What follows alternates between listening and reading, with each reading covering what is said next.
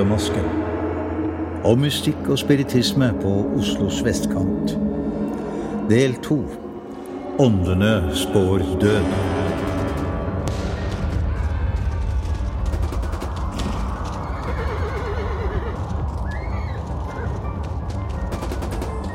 Der gror underlige ting opp etter en verdenshistorisk ulykke. Slagmarkenes millioner døde hadde lagt seg som en stjernetåke av ånder over den blodmettede jord.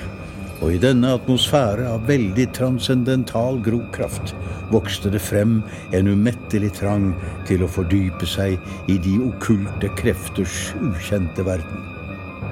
Alle de gamle ismer vågnet til nytt liv. Mesmerismen, hypnotismen, magnetismen, spiritismen fikk sin tapte ungdomskraft tilbake. Der spøkte i alle gamle prestegårder og klostre. De halvforglemte bordben danset omkring, og astrallegemene fløy som en åsgårdsrei gjennom rommet. Dette skriver Øvre Richter Frick i 1921. Det han beskriver, er den voldsomme oppblomstring spiritismen fikk etter første verdenskrig, både i de krigførende land og i Norge. I de tidlige fasene av spiritismen så ser vi eh, typisk en fremvekst i etterkant av kriger. Spiritismen er det som da bidrar til å skape livsmening etterpå.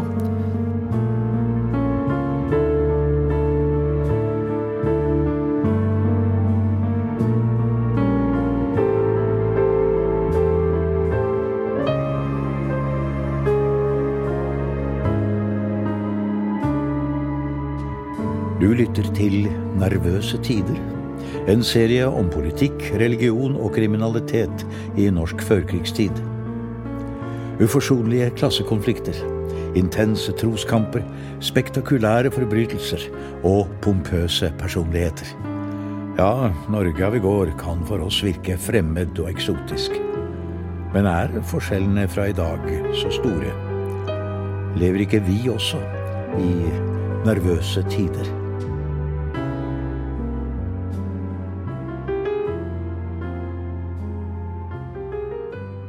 Betydningen av de mange døde under første verdenskrig fortaper seg åpenbart ikke.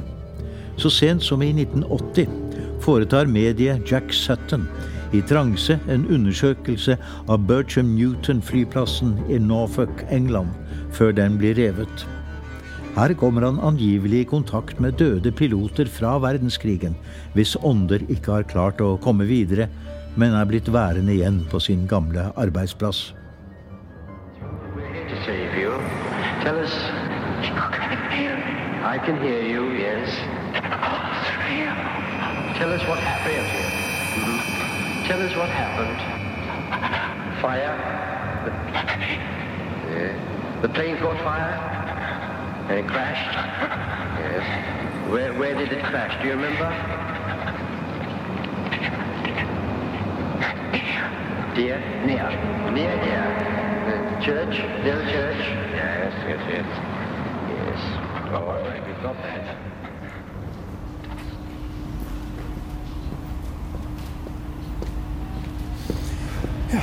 Ja, Nils, eh, nå har du ført oss til Nordahl Bruns gate nummer 22. Ja. Det ser ut som en ganske normal 1890-tallsleiegård, syns jeg.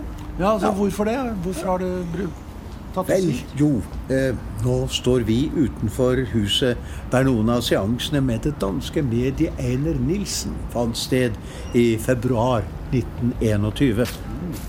Hysj lar en av personene sine nevne dette. Jeg husker den tragikomiske historien om det berømte medium som etter verdenskrigen satte hele det daværende Kristiania på ende. Den druknet hele hovedstaden i en sann okkultistisk rus. Ja, Det berømte medium Einer Nilsen ja, det var eksperten på å frembringe ektoplasma, så vidt jeg husker. Ja da, ektoplasma eller teleplasma er angivelig en eterisk substans som under seansene tyter ut av mediets legeme og brukes til oppbygning av de materialiserte åndene. Også i åndemasken nevnes et tykt tyktflytende hvitaktig stoff som syntes å lyse i mørket, og som sier ut av den mystiske og tvilsomme doktor Sernies munn.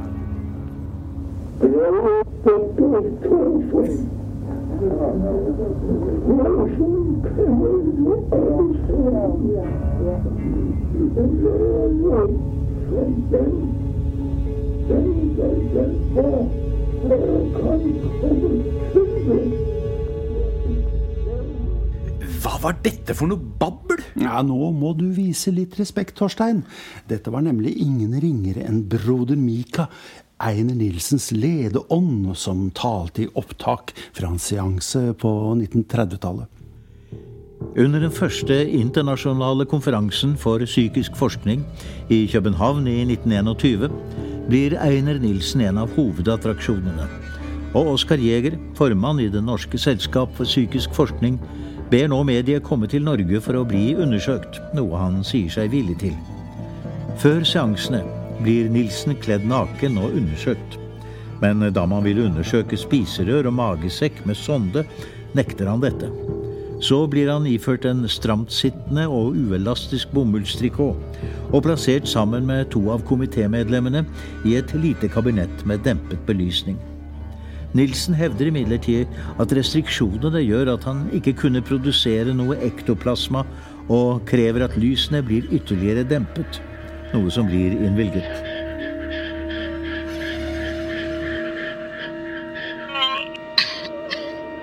I totalt mørke klarer han, etter å ha brekket seg i lengre tid, å frembringe et stoff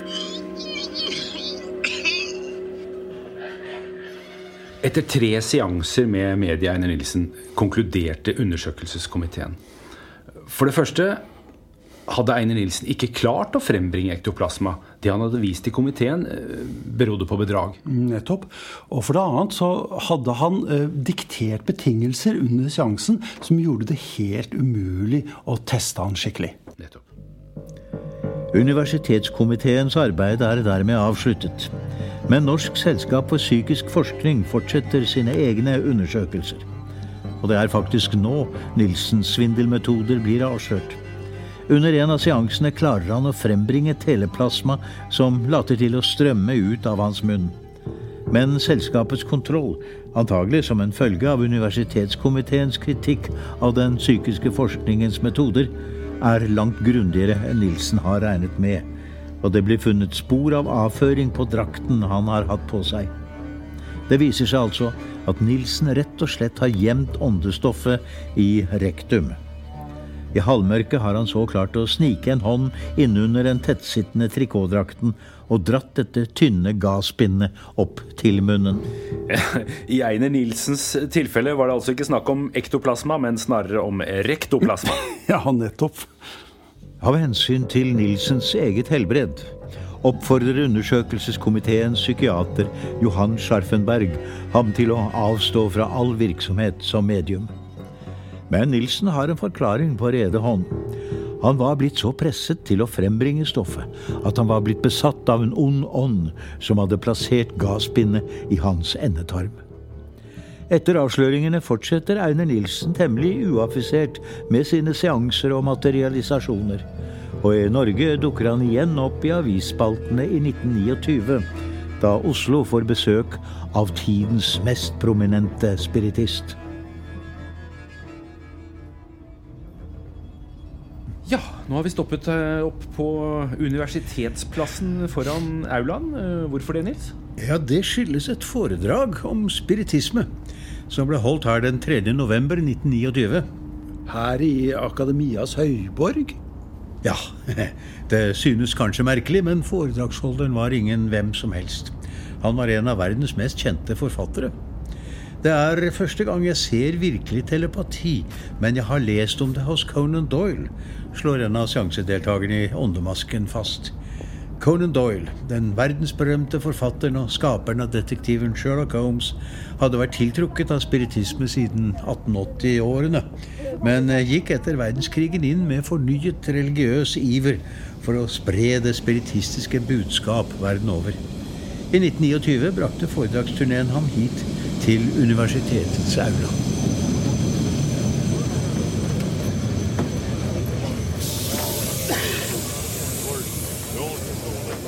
Vi står nå på Østbanestasjonen, hvor Stockholmstoget er nettopp ankommet.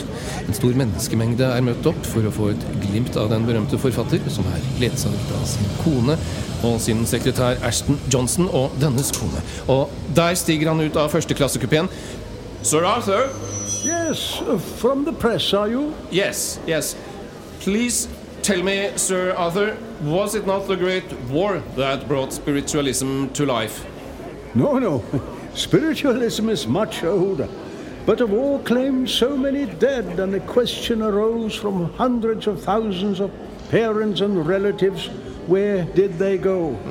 So I decided to devote the rest of my life to the task of telling those left behind how easy death is and how joyful. Yeah. Um, so you claim that psychic research now has proven the truth of uh, spiritualism?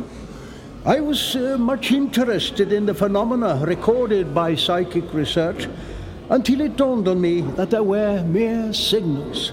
It's like when the telephone rings, you have to pick up the receiver to hear the message. The signal is nothing, the message is everything. Kvelden etter holder Doyle sitt foredrag i aulaen, ledsaget av en mengde lysbilder. People ask, what do you get from spiritualism? The first thing you get is that it absolutely removes all fear of death. Secondly, it bridges death for those dear ones whom we may lose. The press, unfortunately, usually only notices spiritualism when fraud or folly is in question. But the press does not mention, as a rule, the thousands of cases where consolation and truth have been brought to suffering hearts. We bring important facts, new facts, which will revolutionize the whole thought of the human race, both in religion and in science. It is the great question of the future, and it will end by making religion a real living thing, so that all doubt of God's goodness or of the destiny of mankind will be forever banished.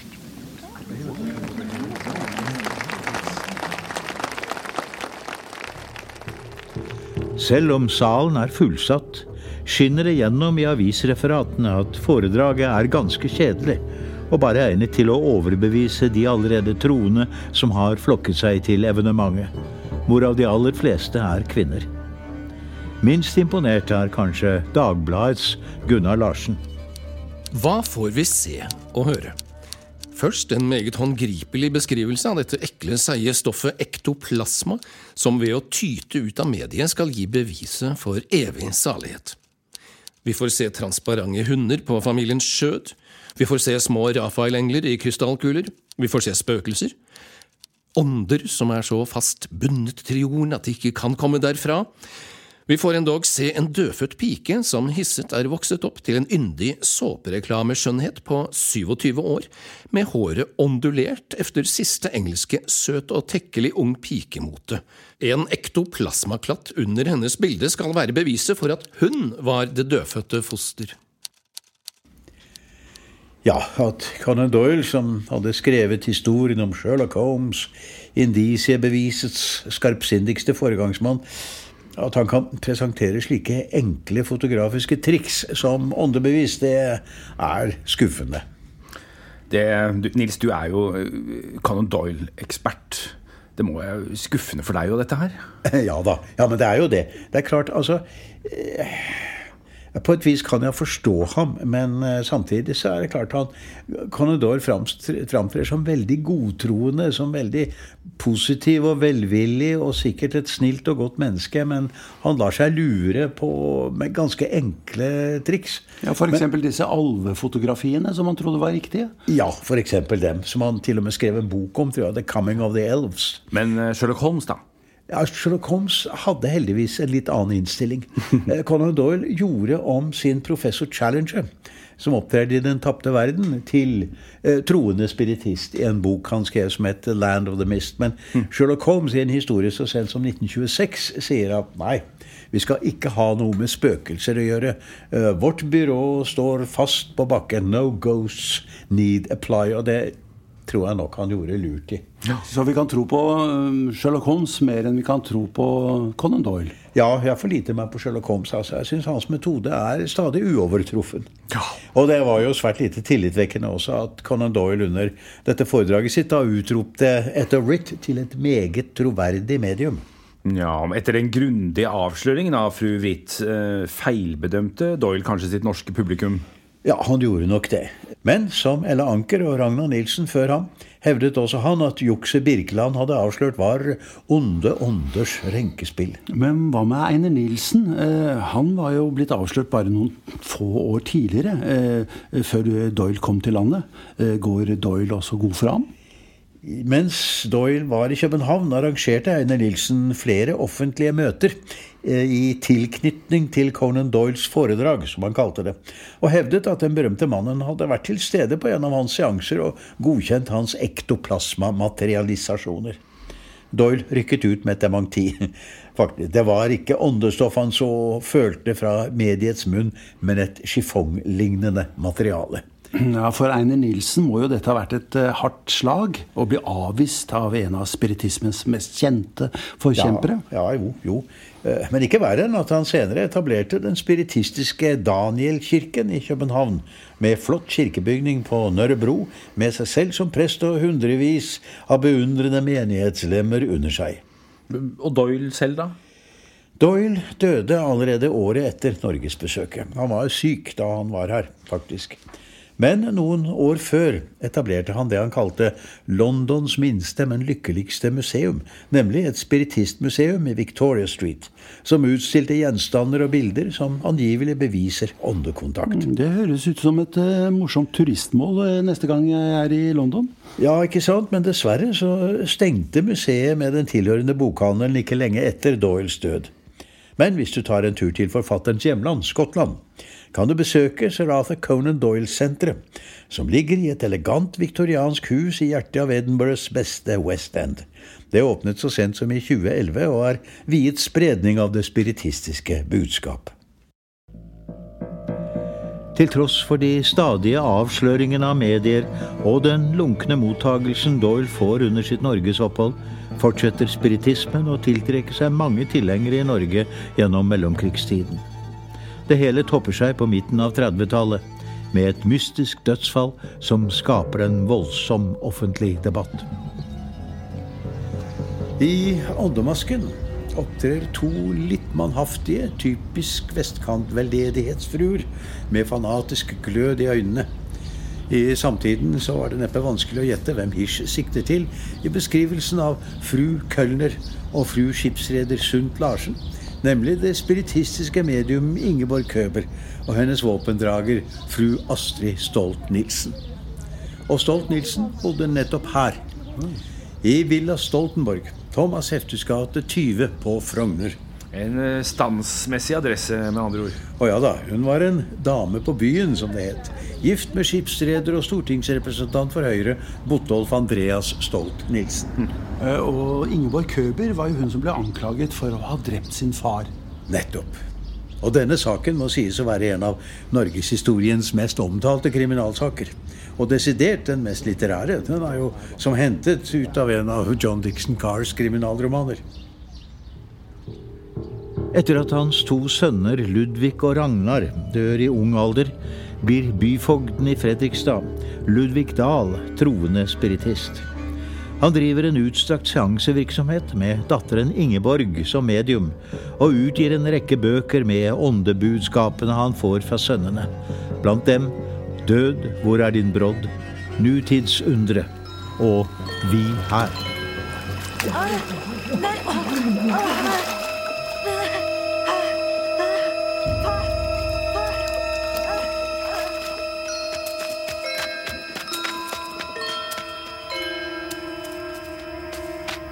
Neimen, Ingeborg, hva, hva er det som har skjedd? Du er jo klissvåt, jo.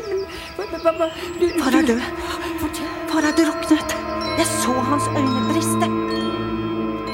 Den 8. august 1934 omkommer imidlertid Ludvig Dahl ved en drukningsulykke på Hankø. Det eneste øyenvitnet til ulykken er datteren Ingeborg Køber.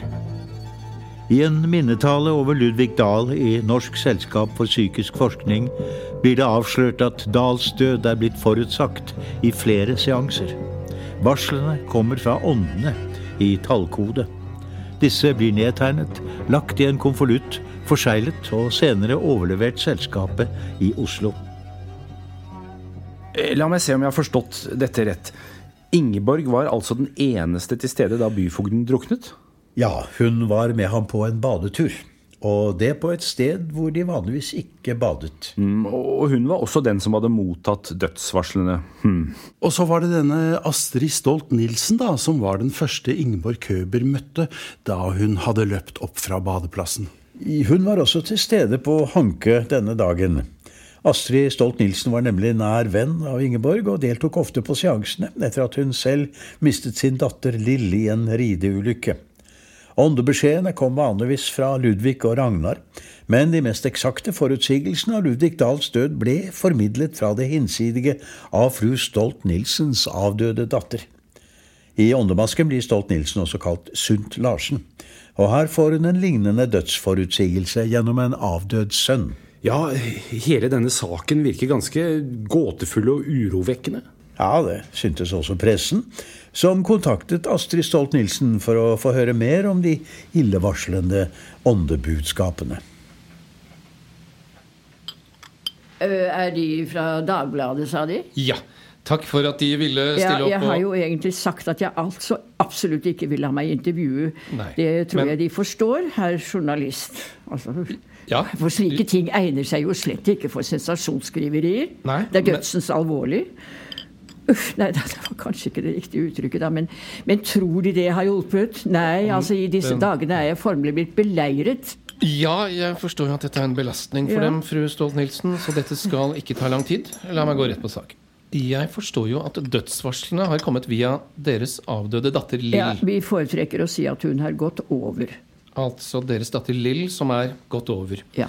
Men hvorfor visste deres datter datoen for byfogdens død et helt år før ulykken, mens hans egne sønner, Ludvig og Ragnar, øyensynlig var usikre på det punkt helt til det siste? Jeg kunne jeg besvare alle hvorfor, så ville jeg være en person av rang som hele Europa ville søke. Jeg vet bare at min datter har sett det som sin oppgave å overbevise meg, og jeg har vært så skeptisk som noe menneske kan være. Altså, Byfogdens sønner har da også flere ganger omtalt Lill som denne dyktige lille dame som arbeider så systematisk for å skaffe sin mor bevis. Det forekom meg så meningsløst at hun skulle rives bort slik. Kan de, kan de forstå at det er en befrielse å vite at hun lever, og at døden bare er en overgang? Men mange mener jo at spiritismen er selvbedrag. Ja, Mennesker som intet har mistet, de søker ikke. De forstår slett ingenting av alt dette, herre journalist.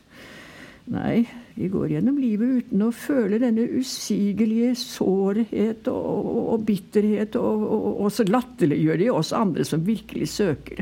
Latterliggjøre er vel ikke ordet. Man stiller seg like ransakende skeptisk som de selv inntil nå har vært. Nå ja, hån og latterliggjøring vil nå jeg kalle det.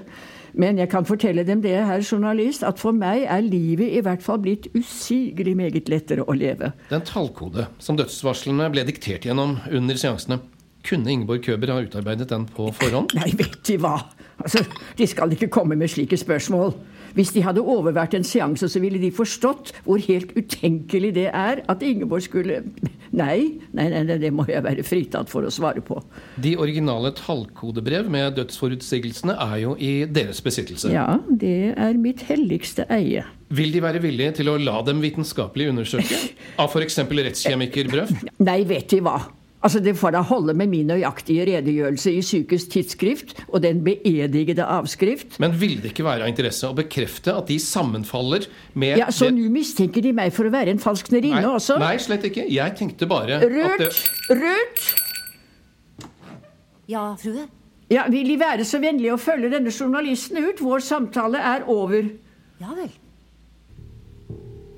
Da opplysningen om dødsforutsigelsene blir offentliggjort, forårsaker det en voldsom debatt. Og frontene er knallharde. For av journalister og kulturradikalere finnes det i grunnen bare én løsning på mysteriet.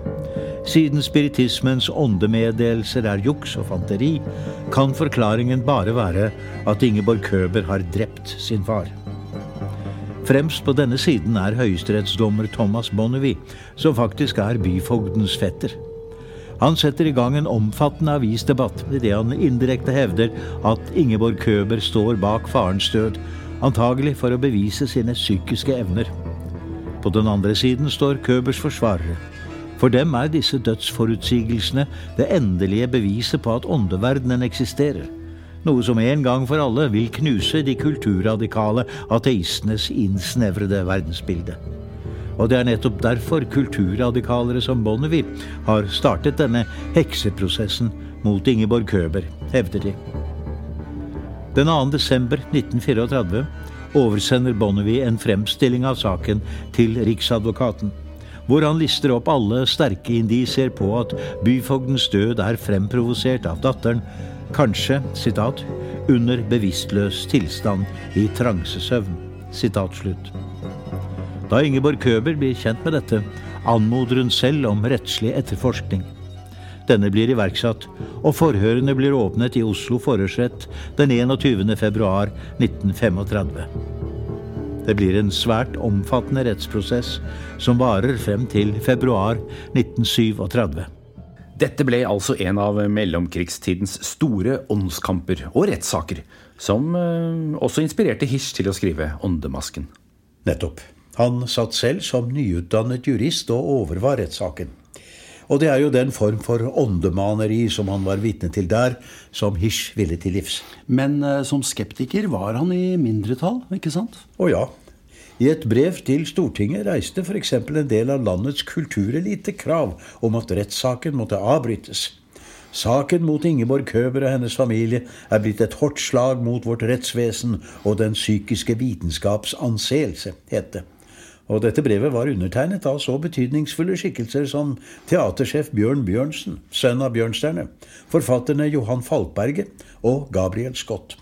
På den annen side sto i all hovedsak Dagbladet og dets redaktør Einar Skavlan og skeptikere som doktor Johan Scharfenberg. Mm, og hvordan utviklet så saken seg for Køber og spiritismens del? Vel, da retten forlangte å undersøke de originale tallkodebrevene, viser det seg at fru Astrid Stolt-Nielsen hadde brent en god del av dem. Altså de samme brevene som hun hadde kalt sitt helligste eie? Nettopp. Men det som kan sies å konstituere et klart motiv for overlagt drap, dukket opp senere, da det fremkom svært tvilsomme forhold i familien Dahl. Tvilsomme forhold, sier du? Ja, annet knyttet til Ludvig Dahls kone Dagny Dahl, og hennes stilling som byfogdkassererske i Fredrikstad. 56 000. 57 000. 58 000. Neimen Dette kan jo ikke stemme.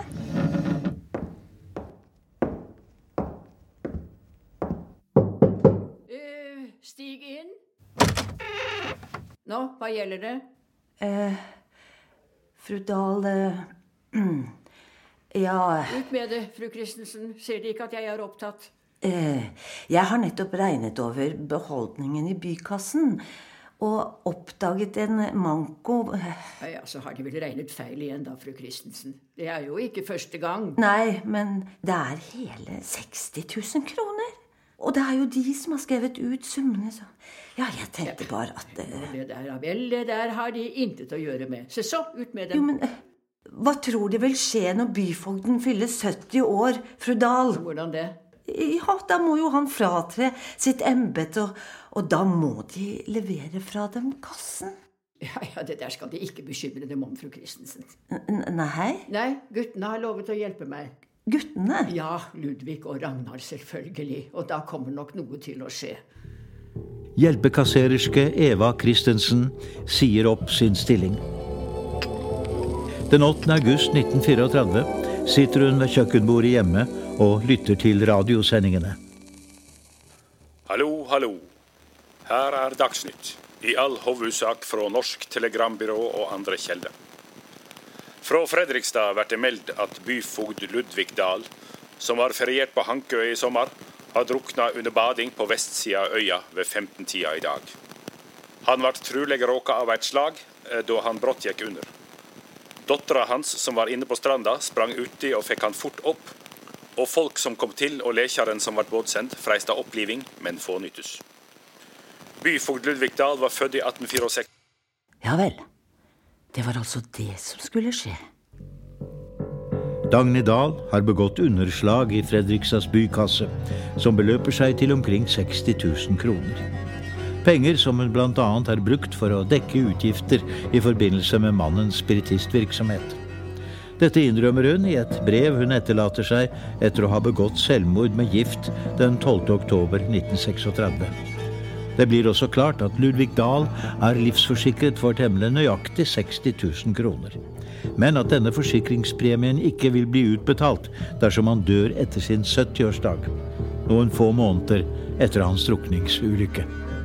Et temmelig beleilig dødsfall, altså. Men svekket dette støtten til Ingeborg Køber? Dette, ja. Og det faktum at rettskjemiker Brøff kunne bevise at en rekke såkalte åndebudskap oppbevart i forseglede konvolutter var blitt manipulert med. I hvert fall ble det temmelig stille i avisspaltene fra hennes tidligere så høylytte forsvarere, og noen av dem vendte seg rett og slett mot henne.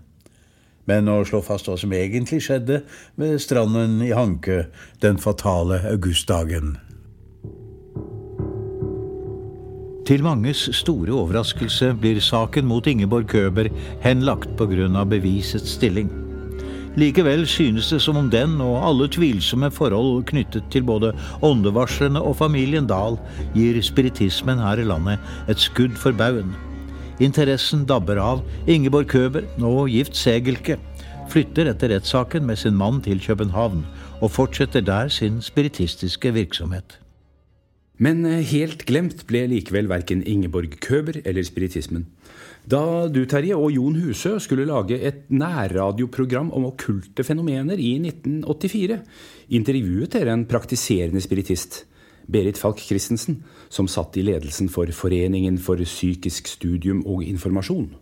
Og hun kunne fortelle oss at hun hadde hatt nær kontakt med Ingeborg Køber i København på 1960- og 70-tallet. Dessuten sto hun i regelmessig spiritistisk kontakt med byfogd Ludvig Dahl. Hvor er det vi kan regne med at vi skal tilbringe tilværelsen etter at det fysiske livet er slutt? I åndens verden. Og hvordan ser det ut her? Eh, jeg tror det er like mange steder der som det er her. Jeg tror at vi går til det stedet hvor vi rettmessig hører hjemme. Jeg tror at hvis du trenger bolig, hus, natur, ting, sågar også mat, så vil du ha de tingene. Vi ser ikke på et skille denne verden og neste. Det flyter i hverandre. Det er bare at våre sanser oppfatter det ikke på samme måten. Det er jo et veldig avgjørende spørsmål, dette om liv etter døden, eller om livet slutter eh, ved den fysiske død. Har eh, din spiritistiske eller spiritualistiske overbevisning har det hatt stor innflytelse, stor betydning for ditt eget liv?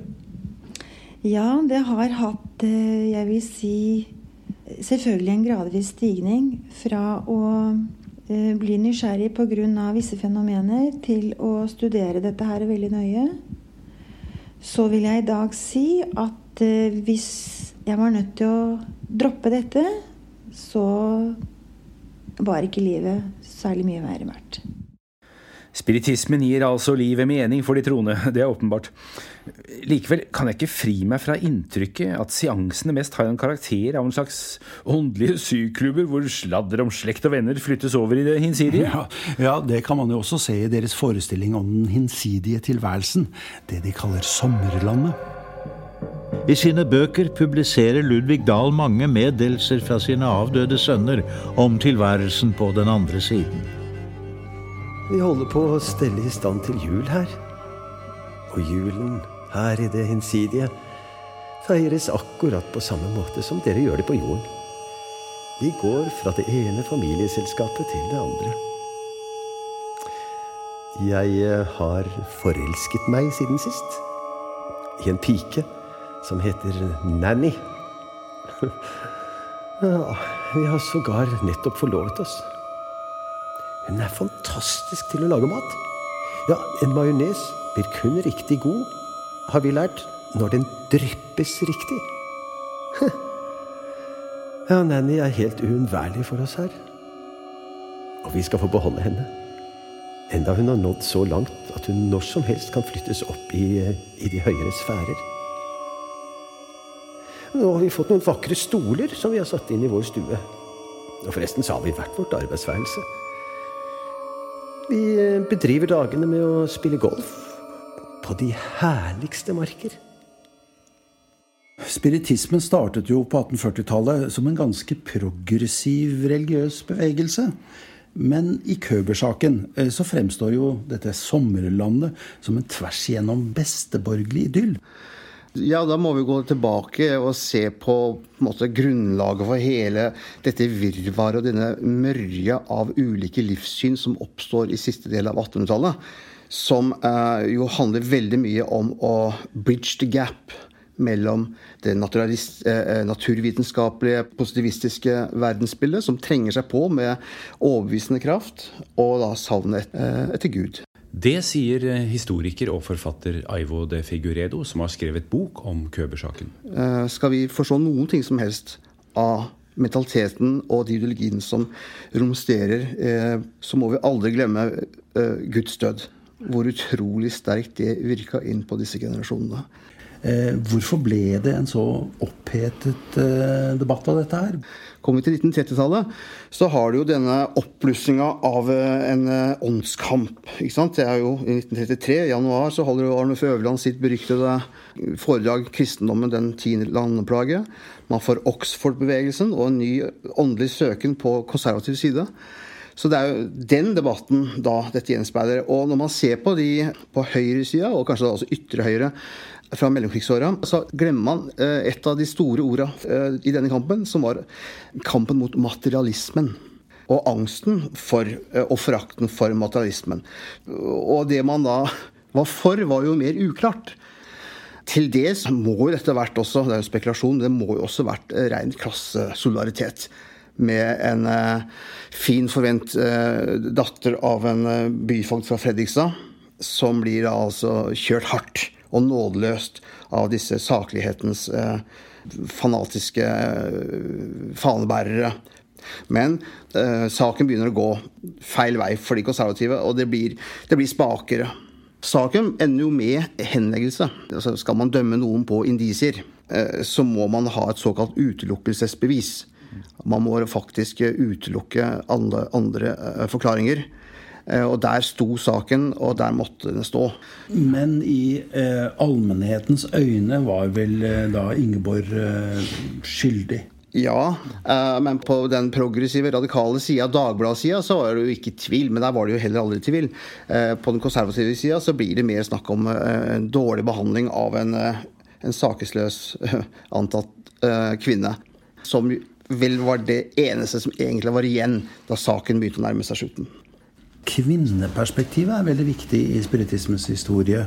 Eh, spiller dette også inn i familien Dahl og Køber-saken? Det spiller en stor rolle på det personlige planet og i den familiedynamikken. Så er det helt tydelig at den sjenerte, litt tykkfallende, eh, ettergivende og oversette barnet eh, Ingeborg Køber får en rolle Altså Det er jo da fire barn i familien. De to eldste brødrene, som er de elskede og de synlige barna, de dør. Og Ingeborg oppdager at hun er medie. Og For å illustrere det her, så er det en liten scene som gjorde veldig inntrykk på meg da jeg skrev om den i boka. Og det er like etter at den første, eldste broren, som het Ludvig, eh, drukna utenfor Hanke. Dette er en familie som ikke har noe språk for det som er vanskelig. Det er bare lutter harmoni og glede. Tyrannisk eh, dirigert av eh, den, den, den godhjerta tyrannen eh, som var eh, byfogden. Eh, så er det en ettermiddag hvor Ingeborg står på rommet sitt. Idet faren kommer inn i rommet, så faller hun i søvn, altså i transesøvn. Og begynner å prate med brorens stemme. Og så kommer faren og omfavner henne, og så sier han Aldri har jeg følt meg så nær deg som nå, Ludvig.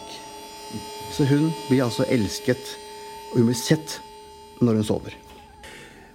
Du har jo gjennomgått alle disse kildene i Køber-saken. Henleggelsen til tross. Hva tror du skjedde på Hanke den dagen?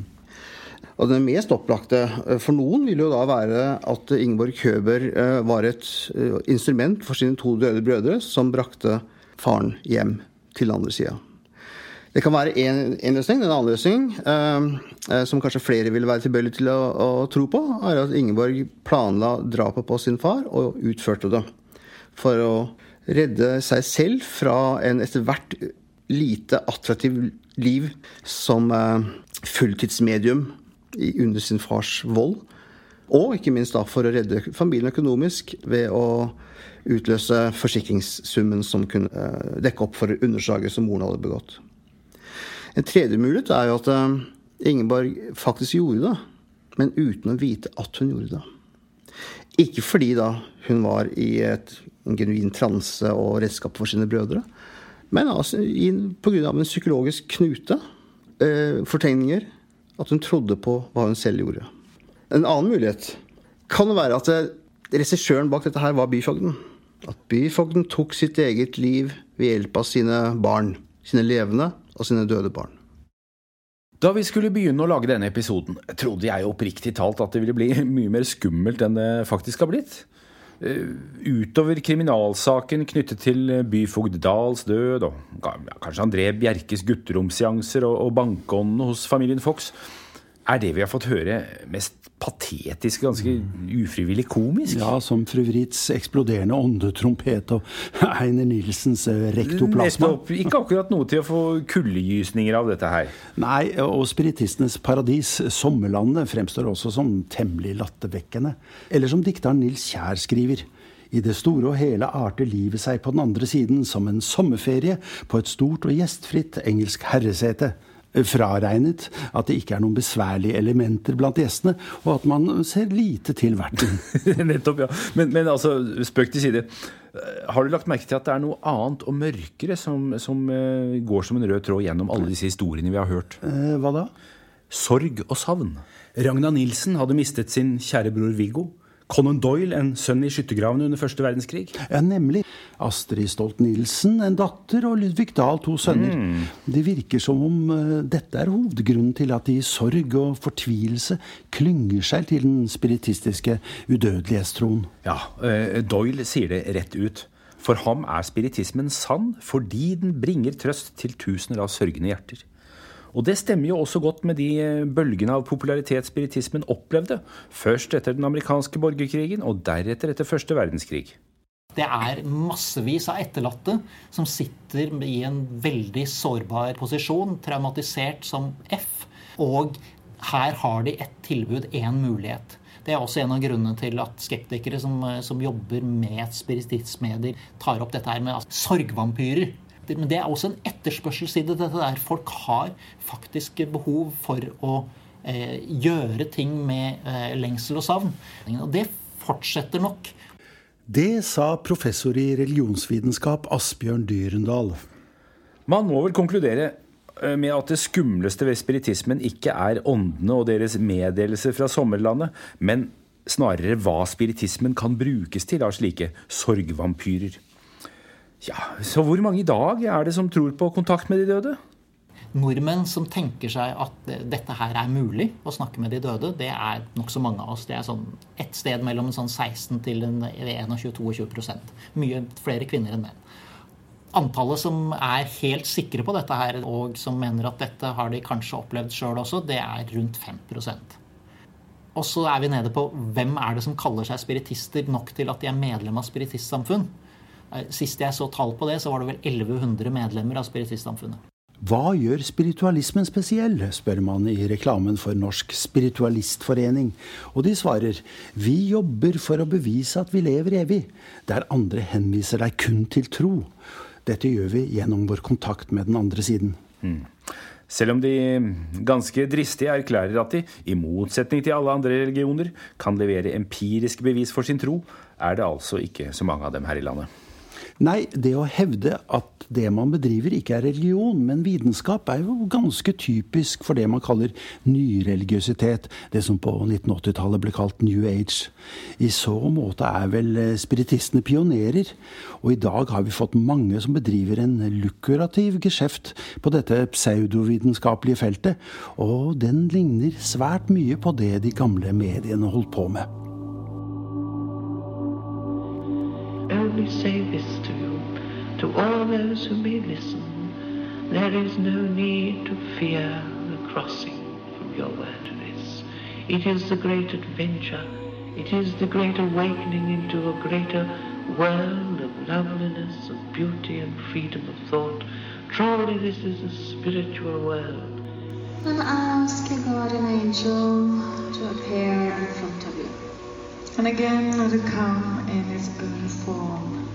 Maybe you feel a breeze, or you feel warm or cold. Maybe you feel a loving presence. Maybe you get an image, or you hear some words or some tones. However form you receive it, just be sure that this is your way and trust it.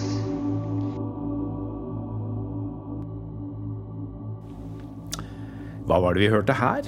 Jo, det første var et klassisk åndebudskap fra en engelsk spiritist. Og så et opptak fra en engleseanse med prinsesse Märtha Louise. Ja, det var ikke så mye forskjell på det. Det samme svømmende og lett søvndyssende budskapet om trøst, kjærlighet, håp og harmoni, eh, virket det som? Ja, bare i en litt ulik innpakning. Veldig mange av de momentene, veldig mange av praksiselementene og forestillingstingene som ligger sentralt i hvordan spiritismen utvikla seg på 1800- og 1900-tallet med mediumskap og den typen ting. De er tatt videre ut i mye breiere del av det nyreligiøse landskapet. Som en del av det vi tidligere kalte New Age, og som nå er en sånn nyåndelighet og alt mulig andre typer betegnelser. Ja, velkommen til Rosenborggaten. På 60-tallet skriver den gamle filmregissøren Leif Sinding at det pensjonatet som Hirsch beskriver i Åndemasken, lå nettopp her. Hvor hadde han det fra? Nei, Det er ikke lett å si. Hirsch gir jo ingen direkte pekepinn om hva som er hans forbilde. Og i, i Radioteatret valgte vi å legge søstrene Neumanns pensjonat til Sporveisgaten, som går parallelt nedenfor her. Ja.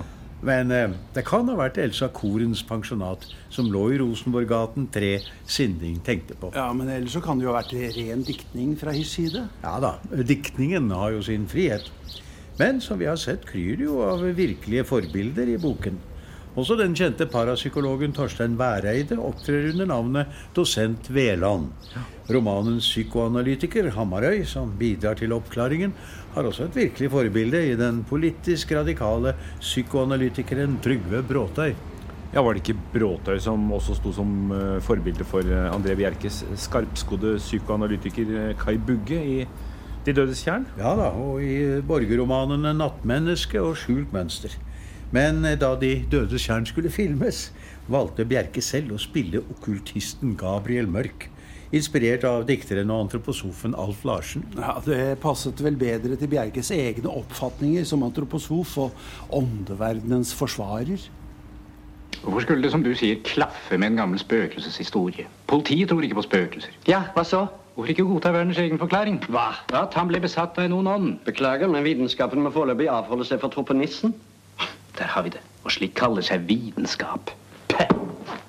Oppriktig talt, dette er problemer som ikke lar seg løse med den lille multiplikasjonstabellen. Begynner du nå igjen? Du skjønner jo ingenting, mann. Du forstår ikke det mest elementære okkulte fenomen. Du pokker bare på at to og to er fire. Men to og to er ikke fire, sier jeg.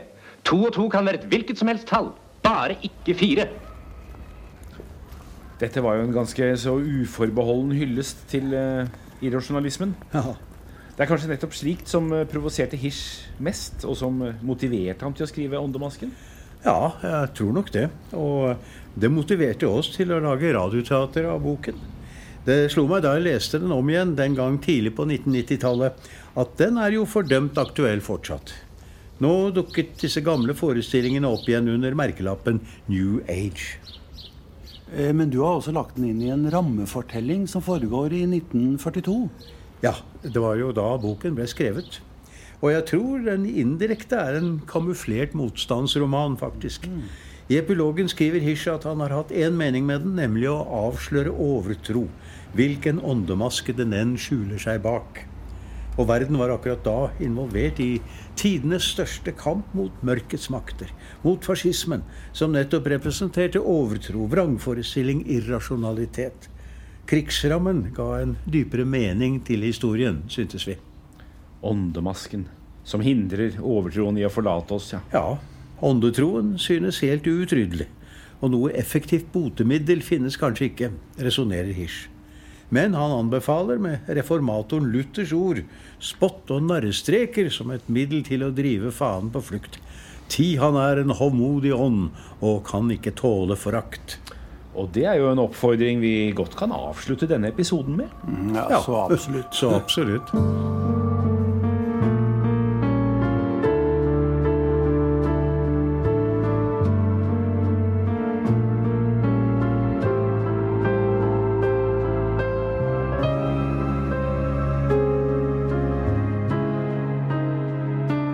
Du har lyttet til Nervøse tider. En dokumentarserie om religion, politikk og kriminalitet i norsk førkrigstid. Og annen og siste del av Bak åndemasken.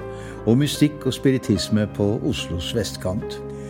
Programledere og historiefaglige ansvarlige er Terje Embeland og Torstein Arisholm. Tekniker og produsent Roy Knutsen. Musikk Åsmund Feidje og Svarte Svingene. Du har ellers hørt historiker Aivo de Figureido, professor i religionsvitenskap Asbjørn Dyrendal, samt stemmene til skuespillerne Bente Børsum, Mari Maurstad, Johannes Joner, Marianne Krogh og Knut Nærum. Instruktør og forteller var meg, Nils Nordberg. Nervøse tider distribueres av plateselskapet nummer 13 og støttes av Fritt Ord og Bygningsarbeidernes Fagforening.